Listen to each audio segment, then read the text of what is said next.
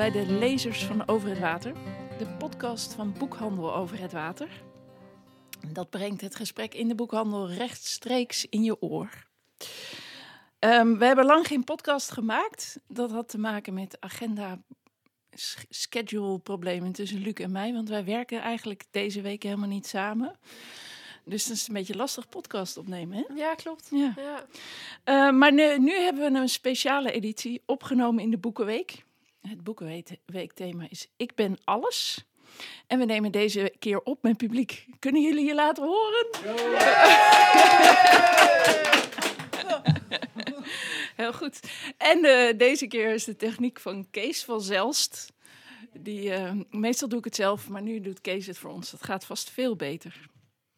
Het is aflevering 7 van seizoen 2. En we hebben twee gasten deze keer. Um, als eerste Brand. Hallo, Brand Berghouwer. Hallo. Hallo, jij bent, uh, we gaan het met jou straks hebben over representatie in de literatuur. Mm -hmm. En jij bent, zullen we je alvast kort introduceren? Prima. Ja? ja. Wat, wil je, wat, wat, wil je zelf eigenlijk zeggen? Um, in het dagelijks leven ben ik uh, coach, counselor. En ik mm -hmm. werk met name met trans mensen. Mm -hmm. um, en ik was tot eind vorig jaar voorzitter van Transgender Netwerk Nederland. En nou ja, een soort van wandelend archief als het, als het over transzaken gaat. Nice. Dus uh, zoiets. Een mooie, mooie omschrijving. En we hebben ook als gast Jane Jubb. Hallo, Hallo. Jane. Hi. Wil jij ook zelf iets over jezelf zeggen? Nou, ik ben hier vandaag omdat uh, ik heb net een bakboek geschreven, of mijn tweede bakboek. Het heet Elke Dag Bakdag. Dus ik ben een uh, lokaal uh, buurtbakker. Um, van de Buiksloter Bakery. Bakery. Dankjewel, goede promo. En um, dus dat doe ik één dag per week. En het is een hobby die uit de hand gelopen is. Um, en dus wanneer ik ben niet aan het bakken, dan ben ik natuurgeneeskundig therapeut. En van achtergrond ben ik wetenschapper, dus ik ben chemicus en neurowetenschapper. Dus ik heb en de harde kant en de zachte kant. Mooi, mooi. We gaan aan het eind van de podcast van jou uit je bakboek proeven. Als jullie heel braaf zijn. Als we heel braaf zijn. Het ziet er ongelooflijk lekker uit, dus ik ga heel braaf zijn. um, en wij zijn natuurlijk uh, samen hier, Luc. Hallo. Hallo. en ik, uh, ik vond het heel erg volwassen klinken. Je kan wel horen dat je bijna 18 wordt.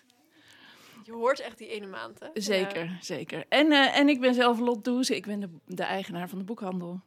Um, laten we gauw beginnen. Lot. Ja. Wat lees je nu? Vertel ja, ik, ons. Ik lees nu Het Woud van Beernam uh -huh. van Eleanor Ketten. Um, in eerste instantie opgepakt omdat ik haar vorige boek Al wat schittert. Vond ik echt fantastisch. Um, heel ingewikkeld, heel literair, heel historisch. Het gaat over de Gold Rush in Nieuw-Zeeland. Nee, het, het vorige boek. Dit boek speelt zich af in het heden. Um, het gaat over een activistische tuindersvereniging die probeert um, crops, dus um, Gewas. gewassen, te planten op braakliggende terreinen zoals bermen, bouwterreinen, uh, mensen hun ongebruikte tuintjes. En zij krijgen ineens een aanbod van een wat geheimzinnige man die blijkt een Amerikaanse multimiljardair te zijn om op een, een stuk terrein wat een beetje onbegaanbaar is geworden door een aardbeving, om daar te komen tuinieren. En het blijkt dat hij daar een preppersbunker aan het bouwen is. Uh, maar hij heeft ook nog eigenlijk een soort verborgen agenda. En eigenlijk heeft iedereen in het boek een, verborgen agenda.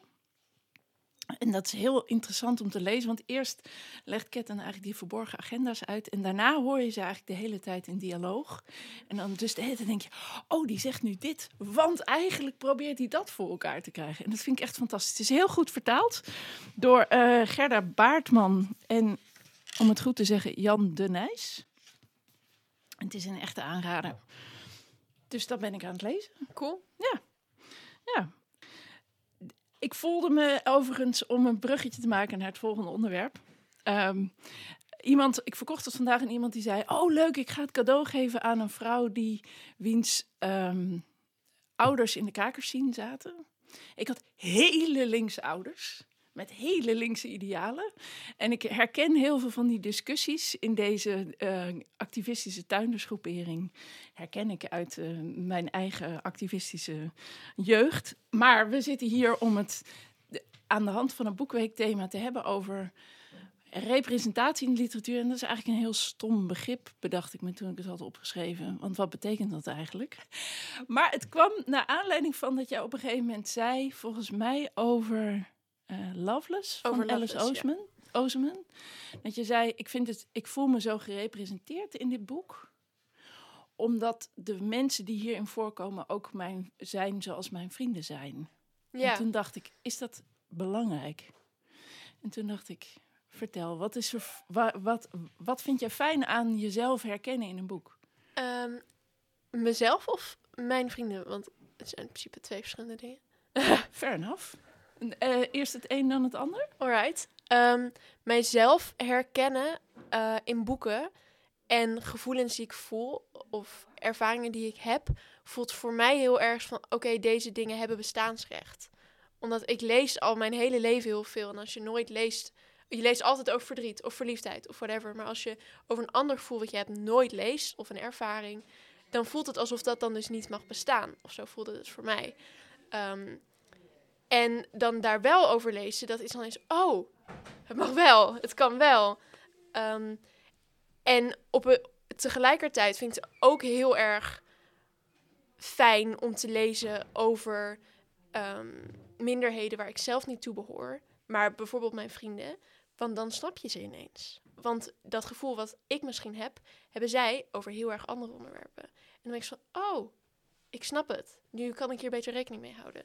En dat vind ik heel belangrijk. Brand zit al heftig te knippen. We komen zo bij je, Brand. kun je me kun je een, een boek waar je dat als waar je dat heel erg voor jou geldt, kun je me dat vertellen? Ja, je hebt me er drie laten meenemen. Ja, daarom. Welke wil je als eerste doen?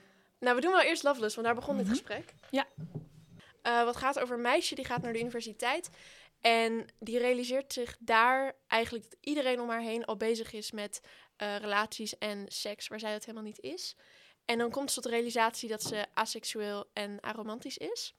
Kun je uitleggen wat dat is? Ja, aseksueel is dat je weinig tot geen uh, seksuele aantrekkingskracht voelt tot andere mensen. En aromantisch is dat je weinig tot geen romantische gevoelens voelt tot andere mensen. Um, ik ben dat allebei niet, maar ik herkende wel me heel erg in die zoektocht van... oh, iedereen is bezig met dingen waar ik me niet mee bezig ben. En oh, ik heb nu een woord wat dat wel beschrijft. Maar wat ik er vooral heel erg fijn aan vond, is dat haar vriendengroep zijn allemaal mensen die ik ook om me heen zie. Weet je, een, een non-genomineerde persoon, iemand met een handicap, uh, allemaal queer mensen. En dat heel, in mijn ervaring zijn heel vaak in boeken, is er dan in de vriendengroep één gay persoon van hebben representatie. En, en in dit boek was het voor het eerst van, oh ja, maar dit is ook hoe mijn vriendengroep eruit ziet. En wat fijn. Um, en daar hadden wij het toen over in de podcast met onze favoriete boeken van het jaar. Je zei tegen mij, ja, er is één boek waar, waar mij dat voor het eerst opviel. Oh, je kijkt ja, me ja, heel... hebben, hebben we het nu over deze? We hebben het over... Weet ik niet. Je zei vanmorgen of zo tegen mij... Dus er is het boek waar het voor het eerst gebeurde dat ik oh, ja. me heel erg gerepresenteerd Oh ja, dat is mijn geheime boek, want ik mocht maar drie boeken meenemen, maar oh. ik heb toch stiekem mee. uh, ja, dat is deze, dat is Girl Heart Girl. Um, het is niet echt een heel goed boek. Um, uh, het gaat over een meisje, die is volgens mij ook YouTuber en die vlogt haar leven en die wordt op een gegeven moment verliefd op een meisje en daar schrijft ze dan een boek over. En dus ik las dit boek en ik dacht alleen maar, terwijl ik kom ik bedoel, ik ben kind van jou, dus ik kom ook uit een heel links nest. En ik heb heel veel queer mensen om me heen, maar het was de eerste keer dat ik er echt over las. En ik las het uit, het was één uur s'nachts, ik lag gewoon te huilen. En ik dacht van, ik, ik voel me ook zo. En dit kan ook. En dit is er ook. En er zijn hier woorden voor. En ja, daarmee heeft echt een plekje in mijn hart. Ja, mooi. Ja. mooi. Ja. Dat klinkt dan uit- echt als een enorme herkenning, erkenning, een bevestiging. Ja, Ja. klopt. Ja. En het, en het was gewoon van, oh ja, want ik zie het wel om me heen, maar om er ook echt over te lezen, dat komt toch dichterbij voor mij. En je hebt ook nog deze meegenomen. Ja. Genderqueer, een Mhm. memoir. Ik weet nog, deze komt later dit jaar uit in ja, het eh, Nederlands. 4 april, dacht ik. En ik weet nog dat, je, dat we op de beurs zaten en dat je tegen mij zei: Oh ja, ja, ja, die moet je inkopen, die moet je inkopen. en toen zei je: Want die heb ik al gelezen. En ik zei: Ik heb dat helemaal niet gezien bij jou. Maar uh, hij was al in huis, inderdaad, in het Engels. Ja, klopt. Kan je me daar iets over, kan je iets vertellen over dit boek? Ja, uh, dus dit is een memoir van uh, Maya Kobabe. Um, en diegene heeft dus in een graphic novel um, diens zoektocht naar die gender, gender, gender um, geschreven. en die komt uiteindelijk tot de conclusie, ik ben genderqueer. En dat is dan een uh, term uh, die valt onder nominair zijn, dus niet man of vrouw. En dit boek was voor mij heel erg een feest der herkenning, want ik ben transgender zelf. Maar ik vind het heel moeilijk, want ik voel me ook niet, zeg maar, super erg man of zo. En ik denk niet dat ik nominair ben. Ingewikkeld. Maar goed, en dit boek was voor mij heel erg van... Oh ja, want ik hoef me niet per se als ik man ben of als ik transgender ben, me super mannelijk te gedragen. En ik mag ook nog steeds van vrouwelijke dingen houden. En het is niet seksisme om te denken, ik ben een man. Um, want daar gaat diegene ook heel erg op in. Want die is heel erg van, oh, is dit niet omdat ik eigenlijk een soort internalized seksisme heb? En ik vond mhm. het heel mooi. En die weet het ook heel mooi in woorden en in plaatjes dus te brengen. En um, even boektechnisch gesproken, zijn de mhm. plaatjes in kleur of in zwart-wit? Uh, in, in, het Engels in kleur. Ik weet niet hoe ze het in het Nederlands gaan doen. Ik dacht dat ze het... Ja, weet ik ook niet meer. ze hebben er wel iets over gezegd, maar dat weet ik, ik niet Ik weet het ook niet meer. Nee. Um, dus hey, je zegt, ik ben transgender. Heb je... En je... Um, uh, je, je vind je ook de representatie van je transgenderisme, zeg je dat nee, zo? Nee, nee, nee. Hoe zeg je dat dan? Van je van transgender je, zijn? Ja. Oké, oké. Okay. Vind je ook representatie in boeken van je transgender zijn? dus in deze, dat, is heel, dat mm heb je mooi uitgelegd. Uh, nou, mijn derde boek, mm of eigenlijk dus mijn vierde. Um, dat is I Was Born For This, ook van Alice Oosman. Dat is echt mijn favoriete auteur. Elke, elke podcast heb ik het over diegene. Het zegt, ik ben fan. um, ik heb heel veel boeken gelezen met transgender hoofdpersonen. Zeker toen ik een beetje begon te questionen. Um, maar voor mij was dit die waar ik het hardst dacht... oh ja, hier zie ik mezelf in. Terwijl het gaat eigenlijk helemaal niet over dat de hoofdpersoon transgender is. Dat is hij gewoon. En ondertussen struggelt hij met beroemd zijn... en met een angststoornis en met allemaal andere dingen. En dan op een gegeven moment neemt hij testosteron. En het was voor mij een soort heel erg van... oh ja, want het, is niet, het hoeft niet alles te bepalen of het hoeft niet je hele verhaal te zijn. Want ik ben heel erg bang voor labeltjes. En ik ben van, ik wil niet dat het enige wat mij beschrijft transgender is. Of het enige wat mij beschrijft donker. Ik wou blond zeggen, ik heb helemaal geen blond haar. donker haar. Ik wil niet dat één ding mij beschrijft. En dat vond ik aan dit boek heel fijn, want het gaat helemaal niet over dat hij transgender is, maar hij is het wel. Ja, precies. Dus juist eigenlijk omdat het het gegeven is ja. en niet het, het thema, het mhm. hoofdthema, juist daarom voelde je erin gerepresenteerd. Ja. Ik wil eventjes naar jou, Brand. Um, nou, Luc, vind ik, legt heel mooi uit wat de persoonlijke ervaring is. Um, en ik ben benieuwd of jij iets kunt zeggen over hoe, hoe je dat maatschappelijk zou kunnen. Of waarom representatie zo belangrijk is. Oh, ik sluit dat aan bij wat Luc zegt. Nou ja, kijk, um, ik ben ietsje ouder dan Luc. uh, dus toen dat ik, ik jong was, dat was zeg maar in de jaren 80, 90, waren er geen boeken met hè, dit soort thema's. En als je tv keek, dan zag je heel af en toe een transvrouw. En die was dan echt, nou ja, heel, heel, erg, heel erg raar en, en heel erg een ik probleem. Ik moet meteen aan Dame Edna denken. Ja, Wat ook. natuurlijk eigenlijk helemaal niet per se een transvrouw was. nee. Trans, ik weet, zeg je dan transvrouw ja. transman? Transvrouw. Ja. ja. En dus het, um, um, ik zag in de media ook geen transmannen. Uh, dus het kwam ook niet echt bij mij op dat dat überhaupt kon eigenlijk. En ik voelde me ook eigenlijk helemaal niet zoals die transvrouwen werden, werden, werden verbeeld. Ik dacht, ja, hè, maar dat, dat, nee. En als ik dan kijk hoe het de afgelopen paar jaar gaat, zijn we eigenlijk van uh, wat, wat wat Luc eigenlijk ook zegt van een, eigenlijk een hele smalle, heel smal idee over trans. En dan heb ik het met name over transitie en over medische dingen. Zijn we eigenlijk langzamerhand aan het, aan het, aan het kruipen naar een meer volledig mens die toevallig een transervaring heeft. Zie En je op... en, mag ik, ik snap Ja? wat je bedoelt, maar ik wil nog even een aanvullende Ja, ja, ja. vraag daarover stellen. Eh, wat bedoel je precies met een transervaring? Is dat dan, eh, is dat dan zoiets als eh, dat dat dan genderdysforie is? Of Nee. valt dat daaronder? Of ik weet, ik weet Nee, het niet. ja. Snap ik. Een transervaring bedoel ik eigenlijk mee iemand die in transitie geweest is. Oh, ja. Of die dat is nu. Ja. Eh, en die dus de ervaring heeft om van het ene gender waar, waar, waarvan mensen dachten dat je daartoe behoorde, naar een ander gender. Dat hoeft niet een, een binaire, maar dat kan ook een non-binaire overstap zijn. Oh ja, en die ervaring ja, is dat iets- noem je een transervaring. Ja. ja. En genderdysforie is een term die we is een medische term die eigenlijk ook al niet meer gebruikt wordt. Dus die is ook alweer oud. sorry. Nu hebben we het eh, meestal over genderincongruentie. Oké. Eh, waarbij dus het gender wat je, wat je voelt dat je bent, komt niet overeen met wat de dokter zei toen je geboren werd. Ja. En dat is echt een meer medisch ding. Eh, maar voor een transervaring hoef je natuurlijk geen medische dingen te doen. Ja, precies. Ja, het is puur dat je zegt, eh, bijvoorbeeld zoals Luc heeft gedaan, ik wil van zij haar naar hij hem. Ik wil dat je nu zegt dat ik je zoon ben, in plaats van dat ik nu dat ik zeg dat ik je dochter ben, of dat Luc mijn dochter is. Ja. Was. Ja, ja. Oké, helder, helder. Maar het, ik onderbrak je over de transervaring, maar je was aan het vertellen over die verbeelding in de media.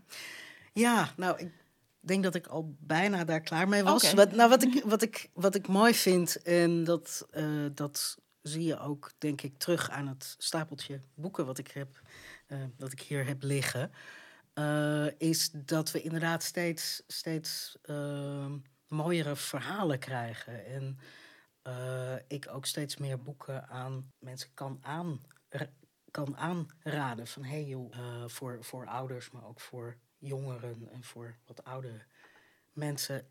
Soms heel erg leuk om de ervaring van iemand anders te kunnen lezen. Om daar op een andere manier mee om te kunnen gaan. En Ja. eh, een bredere blik te krijgen. Ja, en dan, want je hebt een, een heel aantal boeken meegenomen. Ehm, en eh, zou je kunnen zeggen dat ze. ehm, eh, wat is het, zeg maar. Kun je ze een beetje introduceren? Laat ik, dat, laat ik da- daarmee beginnen. Ehm, nou ja, toen je, toen je mij vroeg, toen... eh, Kreeg ik een eh, enorme lijst terug. toen, eh, toen heb ik een schop aan mijn, mijn, mijn, mijn boekenkast. eh, ehm, en, en, en toen vielen er een heleboel uit die ik uiteindelijk toch er weer in teruggezet heb. Omdat ik dacht, ja, hè, dat, dat, dat is een beetje veel. En gelukkig is er dus zoveel ook. Ja, Ja. Ehm, wat voor mij belangrijk is, is dat al deze schrijvers zelf een transervaring hebben. Ja, dus je hebt meegenomen Valentijn Hogenkamp, Thomas van der Meer, Tori Peters en Alejandra Ortiz. Ja. Ja. En die hebben allemaal een, een, een heel andersoortige ervaring. Ja. Eh, als ik begin bij Alejandra, maar dat is misschien ook wel omdat het het boek is wat me het meest dierbaar is. Alejandra is een vriendin van mij. Eh, als je helemaal achterin kijkt, dan zie je mijn naam er zelfs nog in staan. Daar ben ik natuurlijk heel trots op. Ja. Eh, Alejandra heeft een, eh, is een transvrouw, maar zij is vluchteling. Zij komt uit Mexico en is al een heleboel jaar hier in Nederland. Haar eerste eh, asielverzoek is afgewezen. Toen is zij een aantal jaar illegaal in, eh, in, in, in Amsterdam en nu eh, zit ze weer opnieuw in een procedure. En het boek heet De waarheid zal me bevrijden. Zij had namelijk het uh, beetje naïeve idee dat als zij de waarheid zou vertellen over haar ervaring en over waarom zij gevlucht is, dat ze dan uh, asiel zou krijgen. Oh ja, ja. Ik, ik snap dat je dat denkt. Ja. Ik, ik, ik ja. Je zou Ja. mogen hopen dat dat zo werkt. Ja. Ja. Ja. En eh, zij gelooft dat nog steeds, of vindt dat, maar eh, ehm, als je dit boek leest, dan zie je dat het toch een beetje anders verloopt. Wat nou zo ongelooflijk tof is van dit boek, is dat we een, een, een heel interessant inkijkje krijgen in hoe het in zo'n asielzoekerscentrum gaat. Ehm, er zit enorm veel seks in. maar echt dat je denkt, Alejandra, heb je dit verzonnen? en ehm, zij eh, vertrouwde mij toe dat ze nog heel veel seks uit heeft gelaten. want werkelijk? anders werd het wel heel erg veel. Als je daar zit, je hebt niet zoveel te doen. Nee. Ja. ja. Ja. En je hebt toch behoeftes. Ja, Ja. het- het- dus nou ja, hè, dat gaat alle, alle, alle, alle kanten op. Het is een, een, een, een heel aangrijpend boek. Eh, maar het is eigenlijk ook heel erg grappig. En het grappige is dat je eigenlijk dus vertelt over het verhaal van een boek. En dat wat eh Alejandra presenteert, eh, eigenlijk verbeeldt in het boek, voor jou heel erg ook de vluchtelingervaring is. Ja, En, en want je hebt eigenlijk die transervaring, heel, je weet dat ze trans is, of die transervaring heeft. ja. Maar eh, je, je vertelt er weinig. Of zeg maar, het is niet voor jou de kern van een boek. Dat is Nee. eigenlijk heel leuk, Ja. vind ik. Ja, kijk, haar, haar, de, de, de aanleiding voor haar vlucht is dat zij trans is en dat je in, eh, in haar land van herkomst, Mexico, ehm, je leven eigenlijk niet zeker bent.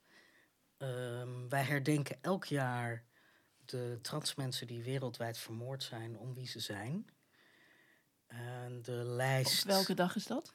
Dat is op en, eh, 21 november, de Transgender Day of Remembrance, of de Transgender Gedenkdag. Afgelopen jaar waren het er ik, ik- ietsje minder, ik dacht 325. Die namen noemen we dan. Eh, en het is altijd een enorme hoeveelheid namen uit Latijns, Am- Latijns-Amerika en dus ook uit Mexico. Dus dat is natuurlijk wel degelijk van belang. Ehm, maar uiteindelijk gaat het boek over zoveel meer dan dat. Ja. En gaat het over, eh, over vriendschappen en over community vinden. Over, ehm, over veilig zijn binnen een groep trans mensen in Amsterdam. Geborgenheid vinden. Mooi, mooi. Ik denk dat dit aansluit bij een van de dingen die ik dus heel ingewikkeld vind als je het over representatie in literatuur hebt. Of over verbeelding of over dat je zou moeten kunnen lezen over wie je bent. Omdat ik een van de meest indringende leeservaringen die ik heb gehad, is het boek van Alex Bakker. Wat, wat ik ben vergeten been te nemen, maar dat heet Mijn Verborgen Verleden. Eh, Alex Bakker heeft een transervaring gehad. En toen ik zijn boek las, eh, toen dacht ik, heb ik heel lang gedacht, ik denk dat ik ook trans ben. Ik denk dat ik, ik denk dat, jemig, dit is zo herkenbaar. Dit, dit grijpt zo diep in, in wie, hoe ik me voel. En eh, zeg maar die jeugdervaring. Ik, dus Alex Bakker beschrijft hoe enorm fan hij van voetbal was, bijvoorbeeld. Dat had ik helemaal niet. Maar ehm, de, de ongemakkelijkheid in zijn lichaam en ehm, de enorme schrik toen hij borsten kreeg en dat ongemak en dat, dat, maar ik ben echt anders en ik ben niet dit lichaam. Dat vond ik zo'n diep herkenbare ervaring. En toen, op het moment dat Alex Bakker beschrijft dat hij ehm, zijn borstoperatie heeft gehad en dat enorme gevoel van bevrijding, die hem dat opleverde. En toen dacht ik, oh nee, nee, nee, nee, wacht even, nee, nee, nu weet ik, nee, nee, dit is, want ik vind mijn borst heel onhandig. Maar ik vind ze ook leuk. en bovendien zou ik mezelf dat niet aan willen doen. Maar wat betekent dan eigenlijk representatie? Wat, betekent het eigenlijk dat ik me zo erg kan herkennen in een, iemand met een transervaring? voor representatie in de literatuur, is dat niet veel meer zo dat je zou moeten zeggen: lees vooral ook over verhalen die je niet kent, over mensen die je totaal niks zeggen, omdat er, als het goed is, een soort universaliteit optreedt of, of herkenning optreedt in. Dat geldt voor mensen die uh, zelf niet trans zijn. En voor de mensen die uh, dat wel zijn, is het belangrijk om verhalen te kunnen lezen waar ze zich echt in kunnen herkennen. Die ook hun, hun ervaring beschrijven. En ik denk dat dat ook wel is wat jij, Luc, net, uh, net ja. aangaf. Dus ik vind dat iedereen eigenlijk uh, boeken van transschrijvers zou moeten lezen. Zeker, zeker als het, als het zo'n enorme ervaring oplevert. En, en ik denk, wat ik heel mooi vind, is dat jij zegt... ja, we, moeten dat boek van Alejandro Ortiz ook lezen... omdat het gaat over vriendschap, over geborgenheid, over... bijvoorbeeld dat je, wie je ook bent of hoe je je ook voelt... dat het natuurlijk heel belangrijk is om boeken te lezen waarin nou, wat Luc net een beetje beschreef, waarin mensen een groep mensen vinden waarbij ze zich, bij wie ze zich op hun gemak voelen.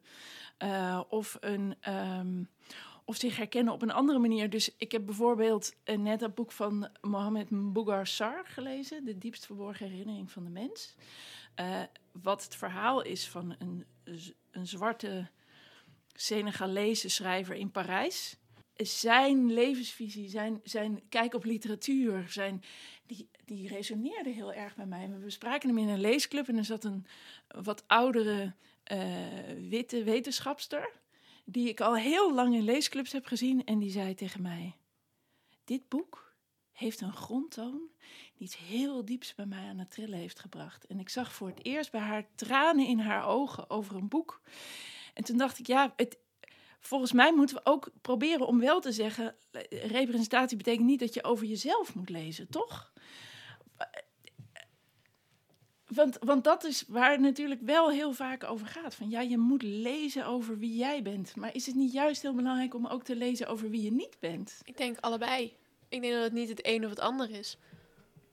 Ja, en dat is het mooiste ook van literatuur. Is dat je, het geeft je de kans om te reizen ergens anders. Weet je, je, gaat, je gaat jezelf verplaatsen. En of het is naar een ander land of in, een andere, in het leven van iemand anders. Dat is wat fantastisch is. Met, met boeken is het, dat geeft de kans om dat te kunnen.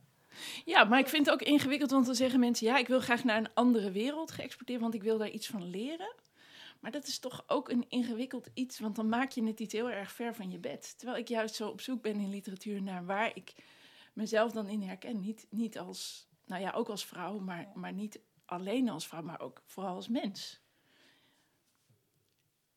Je zit te knikken. Ja, maar ja, kijk, ik, ik, uh, het punt met trans mensen is dat zij vaak een ervaring hebben die soms zo afstaat van verhalen die er al zijn, dat het, uh, dat het soms ook lastig is om dat te kunnen snappen, om dat bij de kop te kunnen pakken. En je dus verhalen van anderen nodig hebt om jezelf te kunnen begrijpen. Ja, dat is wat jij zei, Luc, van de boeken die jij had, waren, gaven wel een herkenning. Ja. Een herkenning van, oh ja, dat, ja, zo is het. Dat is ook mijn vrienden. En dat, ja, En, en woorden voor gevoelens die er zijn, maar je misschien niet kan benoemen of kan herkennen. En dan lees je erover en denk je, oh ja, maar dit is precies zoals het is. En maar kan het ook andersom werken? Want ik weet dat we een, uh, een transpersoon in de winkel hadden. Die eh, die was nog heel jong. Die was heel erg zoekende. En er was wat jonge adult over, uh, over uh, transervaringen. Toen zei ik tegen haar moeder van... Wil je, mag ik... Ik heb een leesexemplaar. Willen jullie dit lezen? En toen zei zij, ze is tegenwoordig... Weet ze wel dat dit is wat, wie ze is. Toen zei zij, naderhand zei ze, dit is helemaal niet zoals ik me voel.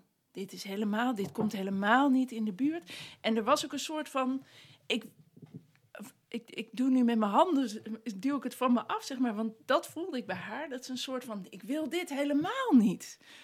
En toen dacht ik, ja, er zit, er zit en dat snap ik ook. Dat je denkt, ik wil niet zo direct hierover lezen. Of in ieder geval, dit is niet mijn verhaal. Maar dat is ook gewoon omdat ik denk dat altijd je ervaringen verschillen.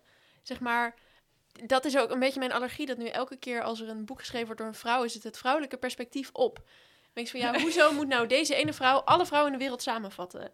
En ik denk dat dat ook een beetje is wat jij hier beschrijft. Dat elke transervaring is ook weer anders. Maar het is tegelijkertijd natuurlijk ook zo dat je, dat je niet kunt zeggen. eh, we, iedereen moet maar een eigen boek schrijven, want iedereen's ervaring is anders. Dus waar zit dan de. Ik denk dat ik het, dat ik het heel fijn vind dat er steeds meer eh, verschillende schrijvers zijn met een transervaring die de gelegenheid krijgen om een boek uit te brengen. Waardoor we een, een, een breder palet aan verhalen krijgen. Eh, en waarin meer mensen zichzelf in hun eigen ervaring dus kunnen gaan herkennen. Hopelijk. Ja, en wordt het dan, maar wordt het op een gegeven moment niet individueel? Ik denk dat we daar nog lang niet zijn. Oké.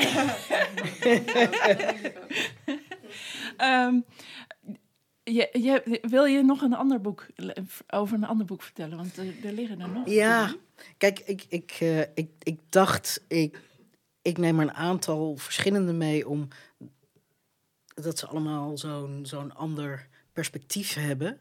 Eh, de meest recente die ik gelezen heb is eh, Valentijn Hogekamp. Mhm. Anti-boy of anti-boy, weet ik eigenlijk niet Ja, ik eens. zeg altijd anti-boy. Ja, in, het, ik, ik, in het audioboek leest hij zelf voor, dan zegt hij antiboy. Oké, nou, fijn. dank. Ehm, het is zo'n zo'n heel fijn, heel dun boekje. Ik heb dat gelezen toen ik onderweg was in het vliegtuig naar een eh, internationaal LHBTI-congres. Om, eh, nou ja, ik dacht, nou, dat vind ik dan wel heel fitting. Eh, of passend in het Nederlands. Ehm, en dit is zo'n zo'n ander soort ervaring weer, omdat ehm, Valentijn hier beschrijft hoe die op een gegeven moment een, ehm, eigenlijk medisch noodzakelijk een borstamputatie moet ondergaan in verband met, eh, met een hele hoge kans op borstkanker. Ehm, en die daar heel lang over nadenkt, heel erg mee worstelt.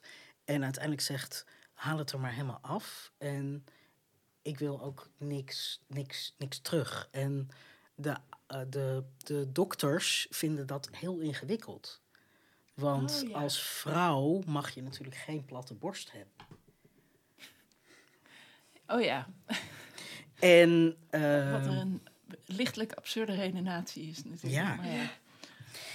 En Valentijn komt ook meer hè, eh, ehm, ehm, uit van, nou ja, eigenlijk voel ik me ook niet echt een vrouw. En ik vind het een, een, een heel mooi, heel, heel dun boekje waar je, waar je toch eventjes eh, helemaal meegenomen wordt in hoe iemand tot ideeën komt om stappen te zetten in diens transitie, die eigenlijk helemaal anders zijn dan het verhaal wat we meestal horen in de media. Ook omdat het juist vanuit de helemaal de andere kant af gaat. Dus helemaal niet begint met ik voel me niet, maar veel meer met dit is de operatie. En, en dat zet voor mij iets in gang. Ja, dat is eigenlijk een heel ander proces, ja. Ja. Ja. Mhm. Mhm. Ehm, en ik heb ook Thomas van der Meer meegenomen. Welkom bij de club. Mhm. Ehm, vooral ook om dat het zo'n zo'n lekker, lekker wegleest. ja, nee, echt. Het is zo'n zo'n zo'n boek wat je, wat je ook aan redelijk jonge eh, lezers kan, kan, kan aanraden. En hè, dat, het, dat het ook nou, gewoon lekker wegleest. Ja, ja. Ehm, en dit verhaal gaat niet over een transitie, maar meer over wat er daarna gebeurt. Ja. En ehm, de, we, ik, ik denk dat we in de media heel veel nadruk hebben op, op, dat, op dat proces van transitie. Maar dat is natuurlijk maar een redelijk korte tijd. En daarna is er een heel leven. Ja, ik vind dat ook. Ik, ik, dat lijkt me. Dit is een zijspoor, dus daar gaan we gauw weer van terug. Maar daar wil ik toch heel even iets over vragen. Omdat, het me, omdat ik het zo fascinerend vind dat ik, dat, precies dit altijd denk. Van, je hebt een transervaring. En daarna ben je gewoon weer. eh, Nou, niet weer. eh, Maar daarna ben je nog steeds gewoon jezelf. Eh, zeg maar, er verandert natuurlijk veel, maar je bent, je bent dan gewoon man. De, toch? Ja, ja. En tegelijkertijd heb je een ander soort achtergrond. Heb, Ja. je, heb je andere dingen meegemaakt? Heb je een ander soort opvoeding soms? Eh, ehm, en zit je, en dat is iets waar denk ik iedere, ieder, iedere transpersoon mee, mee, mee moet dealen. Ehm, je zit met een soort van geheim. Ja. Waarbij je elke keer weer moet bedenken: wanneer ga ik daar iets over zeggen en wanneer doe ik dat niet? Wanneer is het veilig? Ja, ja. Ik, ehm, ik wil daarmee niks afdoen aan jullie ervaringen, maar ik vind dat wel ook herkenbaar in mijn eigen leven. Dat je dingen hebt, eh, of, of situaties hebt, of eh, onderdelen van je leven, die, ehm,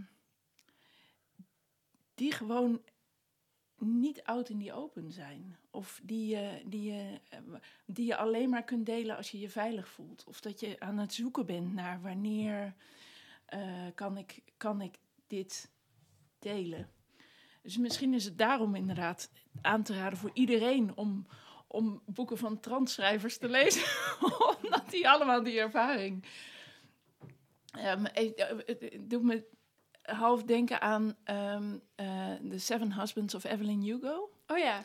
Eh, dat gaat over een filmster. Het is een, licht gebaseerd op een Liz Taylor-achtig figuur. Filmster vanaf de jaren 30, denk ik. Nee? 50? 50. Tot nu. Ehm, eh, biseksueel. Ehm, maar zij moet voor Hollywood natuurlijk hetero zijn. En zij heeft heel lang daarnaast een relatie met een andere filmster, een vrouw. En ze trouwt met mannen, ze scheidt. Ze, soms zijn die mannen homoseksueel of homo, soms niet. Ehm, Ze heeft een kind ze, heeft met een een, man. ze heeft een kind met een man. En de hele tijd is ze bezig met het afsluiten van, die, van dat deel van haar leven wat niemand mag weten. En wat ik heel knap vind aan dat boek, is dat ze, ehm, dat ze zich heel erg bewust is van ehm, hoe zeer ze zichzelf en haar dierbaren eigenlijk compromitteert en ehm, te, tekort doet door de keuzes die ze maakt. Terwijl ze denkt, ja, maar ik wil die carrière en ik vind die carrière belangrijk. En daardoor, en, en dat ze de hele tijd eigenlijk zich ervan bewust is van, ik ben geen zuiver mens, geen, hè, geen moreel eh, totaal goed mens, want ik moet de hele tijd deze keuzes maken. En dat vond ik zo mooi in dat boek. Ehm, want ik denk dat dat voor heel veel mensen ervaringen zijn die herkenbaar zijn. Ook al, al ben je niet biseksueel of al ben je niet homoseksueel. Of, dan, dan nog kan je het gevoel hebben van er is iets in mijn leven dat, dat ik af moet schermen te- ten koste van alles, zo'n beetje. Ehm, nou ja, dat schoot in mijn hoofd. Ja, nou, het, het, het, het lastige is dat eh, leven met een geheim eigenlijk altijd ehm, zoveel stress oplevert dat je een veel grotere kans hebt op, op depressies en angsten en hè, allerlei, eh, allerlei ehm, psychische problemen die je natuurlijk liever niet hebt. Ja. Hè, even- Zijn er ook psychische problemen die je liever wel hebt? Eh, nee, nee. Nou ja, laten we daar eens over nadenken, zou ik zeggen. Eh, en ehm, ik zie dat ook wel om me heen, hè, dat, dat er mensen zijn die, er, die ervoor kiezen om het aan niemand te vertellen dat ze trans zijn. En ik zie eigenlijk ook dat die er op een gegeven moment allemaal van terugkomen. Oh ja. Ik heb nog een boek. er is nog een boek. Ja, Ja. precies. Ja, ja, ja. Ehm, laten we die ook nog ja. doen. ehm, Tori. Transitie baby. Ja, van Tori Peters, of Peters in het Engels natuurlijk. Ehm detransitie. Dat woord gebruiken we voor mensen die in transitie zijn geweest en dan op een gegeven moment daarmee stoppen of daarvan terugkomen of op een andere manier daarmee omgaan. En dat is iets wat, wat we de laatste tijd best wel vaak in de media lezen. Dat, dat, dat dat heel vaak zou, zou gebeuren. Nou, dat gebeurt niet zo heel vaak. Namelijk ongeveer een half procent van de mensen die... Ehm, maar dat betekent natuurlijk niet dat we het er niet over moeten hebben. En wat je, wat je ziet, en ik, ik, eh, ik zei dat net, hè, een, een, een van mijn coaches, eh, een, een transvrouw, is onlangs gestopt met hormonen omdat ze het gewoon even niet trok. Alle, alle, alle haat, alle nare, nare, nare zaken. Eh, en zij kwam tot de conclusie dat ze eerst ehm, steviger moest staan voordat ze weer kan starten. Ja. Het was gewoon te veel. Ja. Ehm, en dat soort ehm, redenen zijn de overgrote reden voor mensen, vaak voor transvrouwen, om toch weer in detransitie te gaan. Dit boek, ehm, eh, in tegenstelling tot mijn inleiding, ehm, ziet het er heel fris, fruitig en Ja. gezellig uit. Met En- roze, roze en blauwe schuimpjes Ja. op de voorkant. Oh nee, het zijn cupcakes. cupcakes. Ja. ja. met confetti of weet ik veel wat er allemaal bij. Ehm, en het is ook een, een heel, heel fris boek, denk ik. Ehm, en ik vind het mooi om het over dat, over dat stuk te hebben, juist omdat ehm, dit, dit, dit boek gaat eigenlijk over drie vrouwen, waarvan eentje eh, zich op dit moment weer als man eh, als, als man door het leven gaat, maar wel een, eh, iets van zes of acht jaar als vrouw geleefd heeft. Ehm, en ehm, deze persoon, deze ja, man nu, eh, eh, heeft iemand zwanger gemaakt. Hij dacht dat dat niet meer kon, maar ja, dat had hij dus verkeerd gedacht. Ehm, en toen zou hij dus vader worden. En dat trok hij niet. Zo van, hè, ik, ehm, ehm, ouder worden, dat lukt nog wel, maar vader, dat klopt eigenlijk niet bij wie ik ben. Want ik zie er dan wel uit als, als, als, man, maar toch niet zo man hè, dat, ik, dat ik vader kan worden. Ehm, en hij haalt zijn, eh, zijn oude geliefde, een transvrouw die heel graag ehm, eh, een, een, een, een kind zou willen hebben. Maar ja, dat lukt natuurlijk niet, want ze is Ja. trans en ze kan dus geen kind baren. Haalt, eh, haalt daarbij, nou ja, en dan gebeurt er van alles en nog wat. Maar wat ik dus heel mooi vind, is dat we, dat we heel genuanceerd kijken naar zo'n zo'n persoon die dus ervoor gekozen heeft om te stoppen met vrouw zijn eigenlijk. Ja.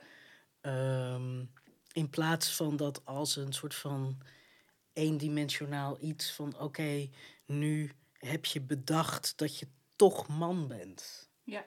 Eh, maar dat ligt een heel stuk genuanceerder. Gevoeliger. ja. Gevoeliger, ja. Ja. Ja.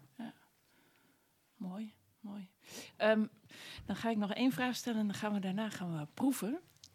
Van elke dag bakdag. Ik heb al een, een nieuwe baksmoes bedacht nu. Oh ja, voor die Voor de 21 Trans- november. ja, Ja, dat ja. eh, heb ik ook in mijn hoofd gezet. Ja, maar daar komen we zo op. Ehm, ik, ik, dus er is nog één ding waarvan ik dacht, ja, ik, ik snap heel goed wat jij zegt, Brand. En ik, ik zie bij Luc hoe belangrijk dit voor Luc is. Maar het, er is ook nog iets waar ik dan niet helemaal uitkom. En dat is dat ik denk, ehm, maar zouden we niet meer naar en dit is misschien meer een maatschappelijk ding, maar zouden we niet meer naar representatie van mensen in zijn geheel toe moeten. Misschien mensen in hun omgeving. Dus ehm, we, hadden het er vandaag over dat ik vaak zeg dat Luc mijn kind is. Uh, omdat ik voor de meeste dingen die ik vertel aan mensen totaal niet relevant is welke gender mijn kind heeft. Het gaat alleen om de relatie, namelijk het is mijn kind. Ongeacht. Ja. En dat is ook de liefde die ik voel. Die is ook niet met een gender verbonden. Die is gewoon met de relatie verbonden. En naast dat je een geweldig mens bent, Luc. um, maar, um, um, en dat, ik, soms merk ik dat dat wringt in mij, omdat ik denk, ja, maar ik wil heel graag boeken lezen over mensen in een omgeving. En niet over mannen of vrouwen of en dat, dat, dat, dat ik het gelukkigst word als ik denk, hoe zou ik me in al mijn, al mijn hoedanigheden voelen in deze situatie of in deze omgeving? En zouden we, zouden we daar niet misschien meer. Ik denk dat we daar, dat dat in principe een streven is, maar dat we daar zo ver van af zijn. Dat als we dat niet zouden zeggen, dan blijft het allemaal witte hetero mannen. Ja, kijk, het, het, ons, ons, uh, ons algemene perspectief is, is wit en hetero en cis. Ik denk dat het een beetje analoog is aan mensen die zeggen dat ze geen kleur zien.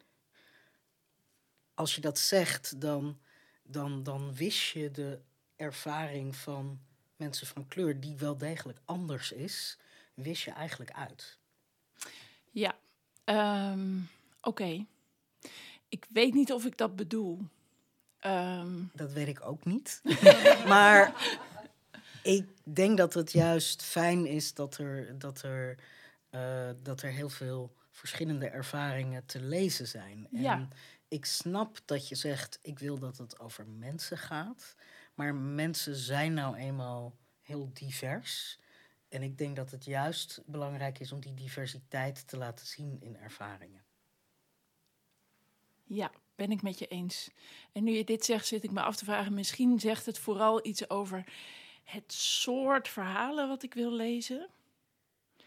Um, namelijk uh, um, daar waar ruimte is voor um, een, een, een, rond veelkantig personage. Dat is met elkaar in tegenspraak, maar ik bedoel het allebei.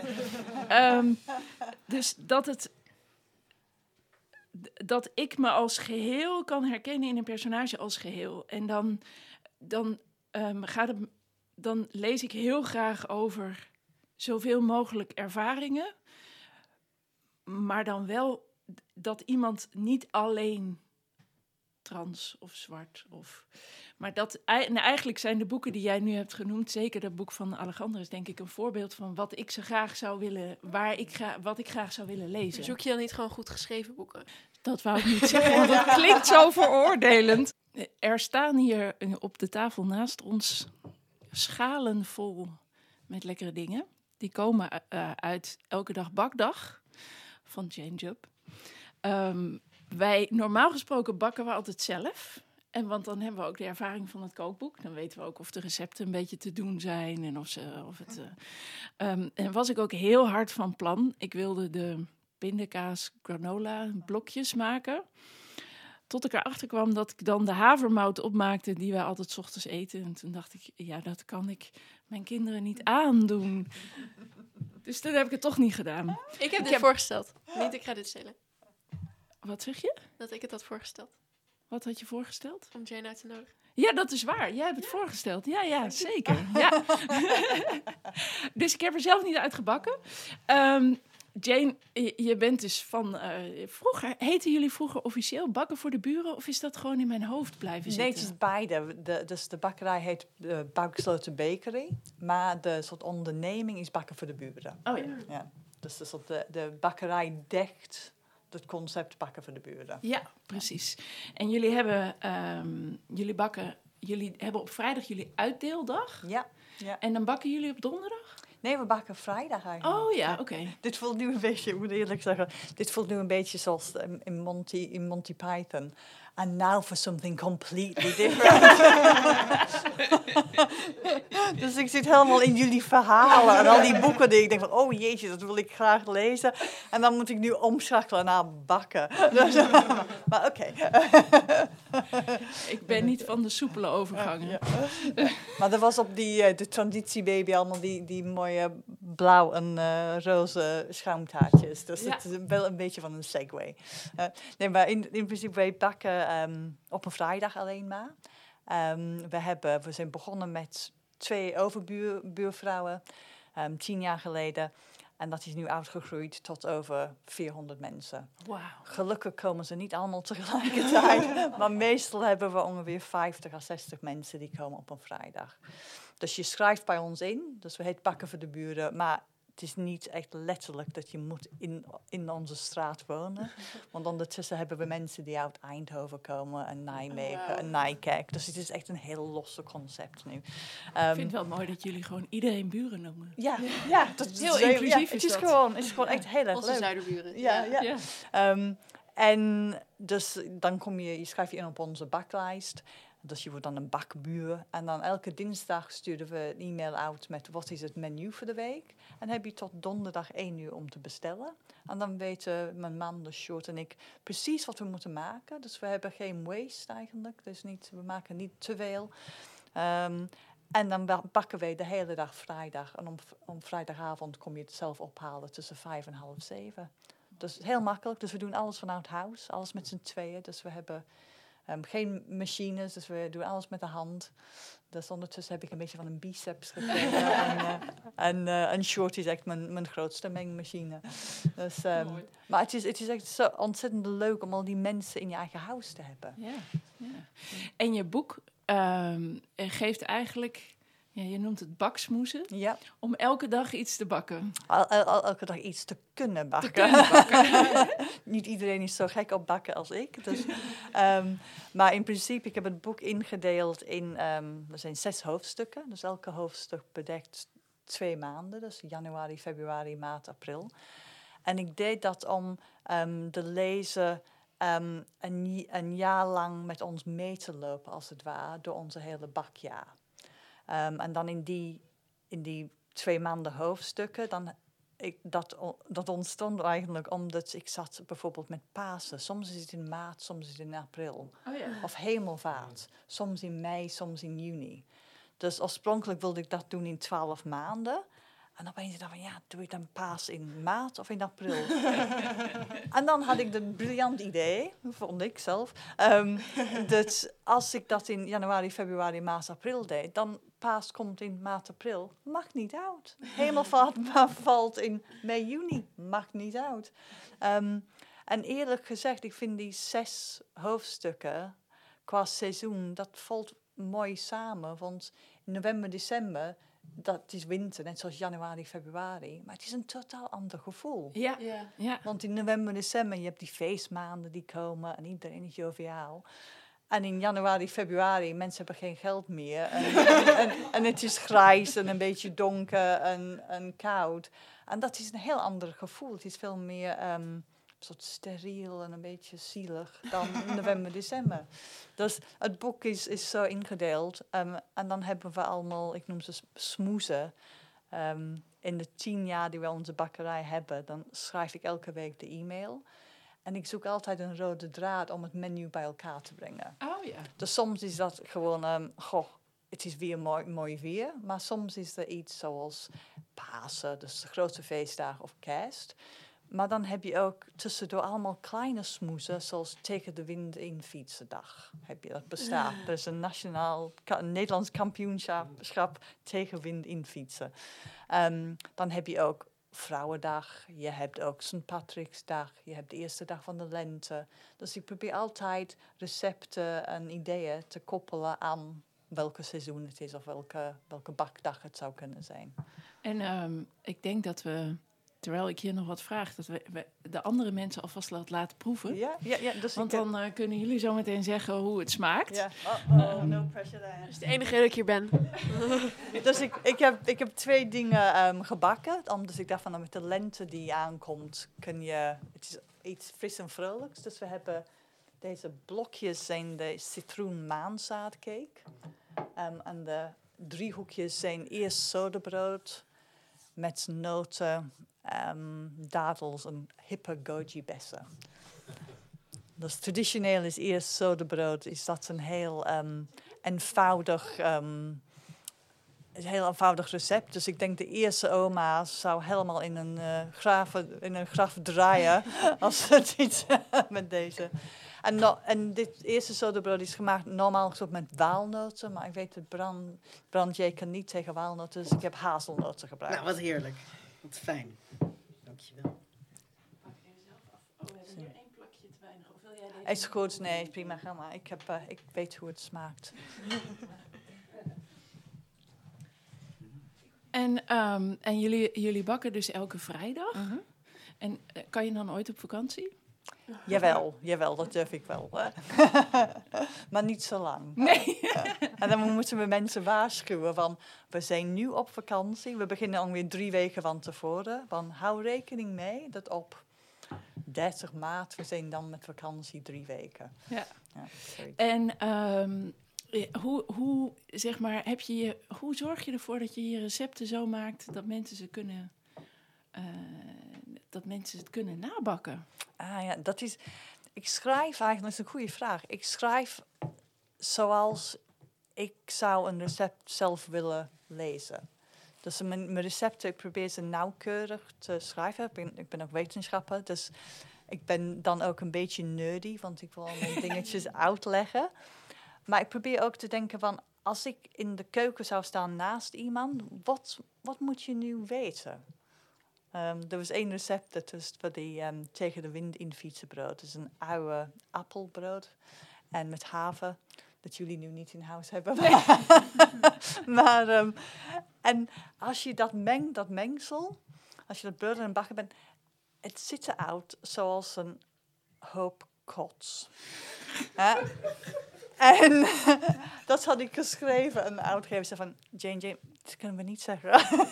maar ik zei maar zo ziet het eruit. Dus, en ik wil dat mensen weten dat je hebt niks fouts gedaan. Maar het ziet eruit zoals een, een stapel braaksel. Dus uiteindelijk hebben we dat opgelost van... Uh, ja, je zal denken van, ah, gatsie. maar het is oké, blijf doorbakken. Oh ja, dus, precies. Ik, dus je probeert te kunnen beschrijven van wat mensen zouden zien. Ja, ja. Op zo'n manier. Ja, leuk. Ik vind het ook. Uh, het, ik, dus ik heb, wel, ik heb er wel uh, heel veel recepten gelezen al, maar dus nog niet gebakken.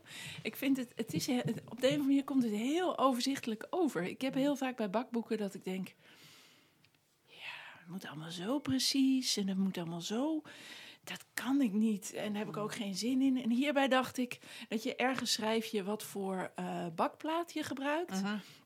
Dat je dan zegt, ja, en als ik het dan zo maak, dan, dan doe ik het zus met de bakpapier. En als ik het dan zo maak, dan doe ik het zo. Toen dacht ik, oh, wat fijn. Ja, mijn bakplaat is dus ietsje kleiner, maar dan doe ik gewoon zus met de bakpapier. En Ja, dan doe ja, ik gewoon ja. zo met de bakpapier. Dus ik, ik werd daar heel gerustgesteld door of zo. ja, ik zei, ik ben gewoon een nerd. Hè? Dus, dus ik probeer al die, weet je, 101 opties te bedenken. Maar ook in, in dit boek, ik probeer het eenvoudig te maken. Dat je niet 30 bakvormen die je één keer gebruikt en dan zitten ze in de kast onder de trap. Weet je, je doet de kast open en alles valt Ja. onder de trap.